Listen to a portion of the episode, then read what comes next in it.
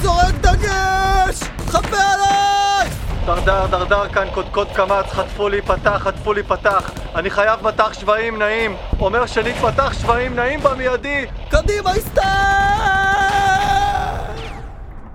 זה מה שאני דמיינתי כשאמרו לי מלחמת השפות. הפתעה, הפתעה, זה לא באמת מה שקרה במציאות. אבל מלחמת השפות היא אירוע אמיתי שכן קרה, ובהרבה מובנים זו הייתה מלחמה לכל דבר ועניין. היא כללה רצף אירועים דרמטי, הסלמה, שערוריות, כאוס ויצרים שרואים בדרך כלל רק בשדה הקרב. זו הייתה המלחמה של העברית נגד הגרמנית. המחיה, הסכת על הגיבורות והגיבורים שעשו את הלא ייאמן והחיו את השפה העברית. הפרק הרביעי, מלחמת השפות. יומן מלחמה, 26 באוקטובר 1913, משרדי חברת עזרא. חברת עזרא של יהודי גרמניה, או בקיצור עזרא, הייתה ארגון יהודי גרמני, לא ציוני, שפעל בראשית המאה ה-20. מה הם עשו? בעיקר נדבנות וקידום התרבות היהודית-גרמנית בקרב יהודים לא גרמנים. במסגרת הזו, החברה הקימה בארץ רשת חינוך מודרנית ודו-לשונית, בעברית ובגרמנית.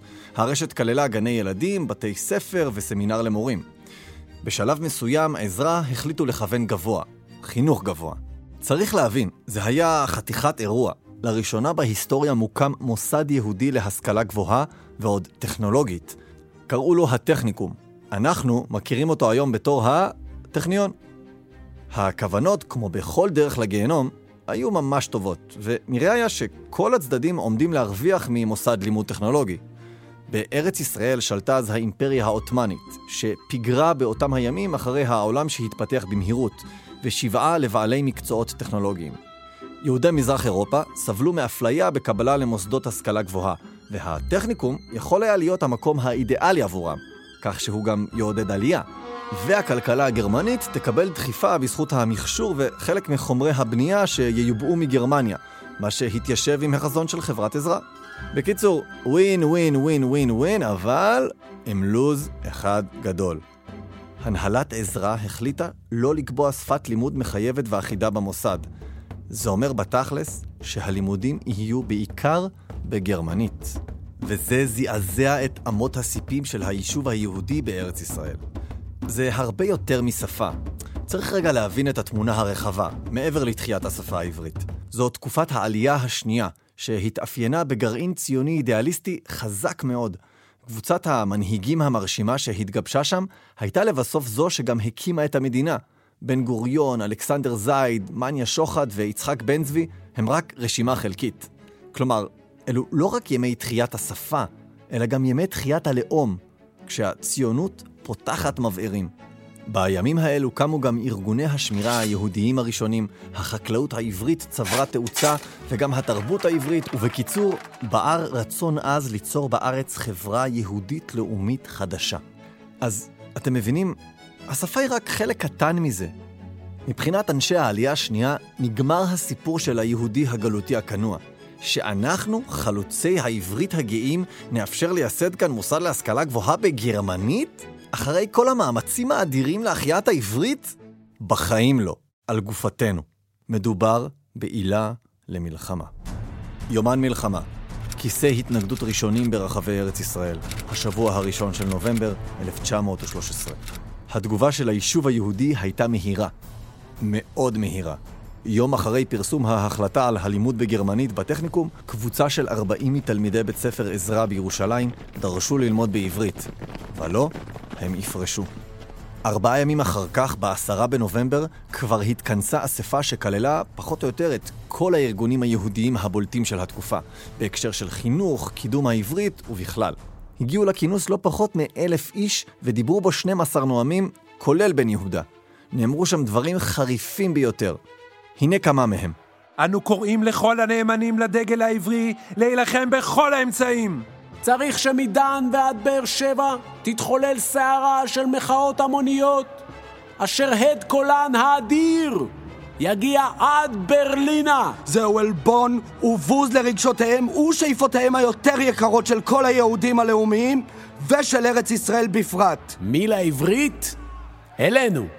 תוך שלושה ימים מהכינוס כבר נבנתה תוכנית פעולה סדורה של איגוד המורים, פעולת נגד של התקוממות עברית, שכמו כל תוכנית צבאית טובה, התחלקה לשלושה אפיקי פעולה. אחת, פעולות קדחתניות לשם גיוס דעת הקהל בארץ ובתפוצות. שתיים, חרם על המורים שיסכימו ללמד בטכניקום ובתיכון הריאלי המתוכנן להיבנות בצמוד אליו, שגם בו אמורים ללמוד בגרמנית. שלוש, מאבק למען הקמת תיכון העברי בחיפה, ולא רק שם. מאבק להסבת שפת הלימוד של כלל מוסדות עזרה בארץ, מגרמנית לעברית. ואם לא, שביתה. הפעילים החלו בגיוס כספים לטובת תוכנית הפעולה, והוקמה ועדה שתהיה אמונה על ענייני החינוך בארץ, כצעד ראשון לקראת ייסוד של מערכת חינוך חדשה ועצמאית. שימו לב, אנחנו רק שבוע אחרי פרסום ההחלטה על הלימוד בגרמנית בטכניקום, והתגובות העזות והנמרצות הללו שהצטברו הן רק ההתחלה. יומן מלחמה, 15 עד 24 בנובמבר. המחאה מתפשטת. ארץ ישראל כמרקחה. אספות מחאה ותמיכה מתכנסות בזיכרון יעקב ובביירות, בעמק יזרעאל ובתל אביב, בעקרון ובראש פינה, ביפו, בצפת, בחולדה, בבאר טוביה, בראשון לציון, בגליל התחתון. בקיצור, סולידריות חסרת תקדים. אלפי אנשים התאספו, שלטים כמו "מלחמה לנו עם מחללי שפתנו" הונפו, כספים נאספו, מכתבי מחאה נכתבו, וכמובן, הושבתו הלימודים. חלק מתלמידי בית הספר של עזרא ביפו הכריזו שעד שהעברית לא תהפוך לשפת הלימוד הרשמית במוסד, הם לא חוזרים ללימודים. והמורים שלהם הודיעו שמ-17 בנובמבר הם ילמדו את כל המקצועות בעברית ושהם, ציטוט, מוכנים לכל מה שיקרה. כשתלמידי הסמינר למורים של עזרא בירושלים שמעו על מה שקורה ביפו, הם הכריזו על פרישה מהלימודים עד שהנהלת עזרא תיעתר לבקשתם. תלמידי בצלאל בירושלים הגדילו לעשות והודיעו שיערכו נשף לכבוד תלמידי הסמינר השובתים. אך, בצלאלניקים, יש דברים שלא משתנים. מספרים שהלהיט של הנשף היה השיר שהביאו החבר'ה מתל אביב. גילו, גילו, גילו, המעגל הגדילו, יום זה לנו לשמחה נכון, העברית השיגה ניצחון. הלחן שלי אה, המצאתי הרגע, אבל המילים שלהם, אמיתי. הנהלת עזרא לא התרגשה מכל ההמולה ולא נענתה לדרישות של מאיימי השביתה מיפו. בתגובה, השובתים החריפו את המחאה, הכריזו על השבתה כוללת ודרשו מעבר מיידי ללימוד בעברית. בד בבד נרקמה התארגנות עם ההורים להקמת בית ספר חלופי. אנחנו בפתח השבוע השלישי למאבק, והוא כבר יצא לדרך חדשה. לא עוד תחנונים לעזרה כדי שישנו את ההחלטה על שפת הלימוד בטכניקום. המוחים עברו מהגנה להתקפה. כמו אומרים, לא צריכים את העזרה שלכם. בארץ אנו נלמד ונלמד בעברית. איתכם או בלעדיכם. יומן מלחמה, 25 בנובמבר, נקודת הרתיחה של יפו. פג האולטימטום של ההורים, המורים והתלמידים בבית הספר לבנים ביפו. חברת עזרא לא שלחה מענה ממקום מושבה בברלין, והמוחים החלו להניע צעדים מעשיים לקראת הקמת בית הספר החדש. נקבע שהוא יישב בבית העם, שעברית תהיה כמובן שפת הלימוד, ושצרפתית, אאוץ', תהיה השפה הזרה המועדפת. כך כתבו מורי בית הספר במכתב ההתפטרות שלהם. הרבה סבלנו מזה שאנחנו, מורי העזרה בארץ ישראל, היינו עבדים לגרמניה. סבלו עמנו גם ההורים והתלמידים. לפיכך, הננו מתכבדים להודיע לכבודו כי נפטרנו מבית הספר עזרה, מהיום והלאה. יום אחרי ההתפטרות נפתח המוסד החדש בבית העם. אגודת המורים בישרה על האירוע בעיתונות והוסיפה אזהרה. שום מורה אינו רשאי לקבל את משרות המורים שהתפנו. ביום הפתיחה של בית הספר הגיע לארץ דוקטור פול נתן, המייסד והעומד בראש חברת עזרא. מורי ירושלים הגישו לו תזכיר ארוך ומפורט על התועלת שבמעבר לעברית, בתקווה שישנה את הגזרה. אבל נתן לא היה מוכן לשמוע. כל עוד השביתה מתקיימת, הוא לא מוכן לשום משא ומתן. חברת עזרא לא התקפלה. יומן מלחמה. חמישה בדצמבר, ירושלים יוצאת למתקפה חזיתית. טוב, אם כבר מלחמה ואם כבר ארץ ישראל, ברור שנקודת המפנה תהיה בירושלים, לא? כך גם במלחמת השפות. בירושלים פעל לא רק סמינר המורים של עזרא, אלא גם רוב מוסדות החינוך שלה. ובחמישה בדצמבר שלחו 18 מורים הודעה לעזרא, ובה כתבו שאם החברה לא תשנה את מדיניותה כלפי השפה העברית, אין ביכולתם להמשיך למלא את תפקידם. המורים הצהירו שאם לא יקבלו מענה הולם מהחברה תוך חמישה ימים משיגור המכתב, ההתפטרות שלהם תיכנס לתוקף כעבור חודשיים, בפברואר 1914. למה חודשיים? כי המורים רצו לבוא לעזרת עזרה, לתת לה זמן להיערך למציאת מורים חלופיים. וגם הם רצו לתת זמן למשא ומתן, ולא לשבור לגמרי את הכלים. אבל בעזרה, איך נאמר בעדינות, לא התלהבו מהמחווה. כשאותם 18 מורים הגיעו לבתי הספר, ציפתה להם הפתעה לא נעימה בכלל. הודעת פיטורים בו במקום. אפילו להיכנס להיפרד מהתלמידים לא אפשרו להם.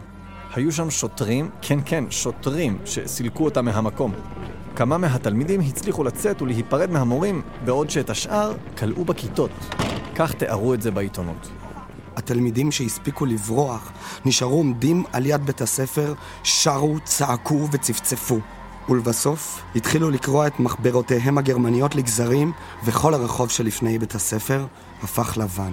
המהומה גלשה גם לרחובות שליד בתי הספר, כשפרשים וחיילים מזוינים מפזרים את ההמון ואפילו מכים אותו. פול נתן, מייסד חברת עזרה שהיה במקום, גודף בידי העוברים והשבים והואשם בכך שהוא מפיץ את התרבות הגרמנית בעזרת שנדרמים, שוטרים. זהו, הפור נפל. הפעולה האלימה של עזרא לא הותירה עוד מקום לפקפוק, ואנשי ירושלים החלו בהכנות לייסוד בתי ספר חדשים ועבריים. בתוך שלושה ימים קם בית ספר לבנים, בית ספר לבנות ובית מדרש עברי למורים. רוב התלמידים עזבו את מוסדות עזרא והצטרפו למוסדות החינוך החדשים. יומן מלחמה, כעבור שלושה חודשים, פברואר 1914, ניצחון מפואר. הגענו לרגע של פקיעת האולטימטום של מורי ירושלים, וחברת עזרא התקפלה. זה כבר היה יותר מדי בשבילם. או במילים אחרות, הם הפסידו במלחמת השפות. הוחלט שבטכניקום ילמדו מתמטיקה ופיזיקה בעברית מיד עם פתיחתו, ואחרי ארבע שנים יוחלט אילו מקצועות טכניים נוספים ילמדו בעברית. הוחלט גם שכל המורים והפרופסורים שלא יודעים עברית מחויבים ללמוד את השפה בתוך ארבע שנים. בשלושה שבועות השיגו אנשי היישוב העברי הישג אדיר. זה קרה בזכות המהלכים הנועזים של המורים, ההורים והתלמידים, וגם הודות להזדהות הגורפת של אנשי היישוב וסכומי הכסף שנתרמו ואפשרו את התמיכה במהלכים הדרמטיים. אבל ההישג של לימודי עברית בטכניקום מתגמד לעומת ההישג המרכזי של מלחמת השפות. היא הפכה לסמל של תחיית התרבות הלאומית על אף ההתנגדות החיצונית העזה. אפשר לומר ש-34 שנים לפני 1948 ניצח העם היהודי במלחמת עצמאות מסוג אחר. עצמאות החינוך, עצמאות התרבות, עצמאות השפה. בפרק הבא נשאר בשדה הקרב ונכיר את החבר'ה הפנאטים של גדוד מגיני השפה.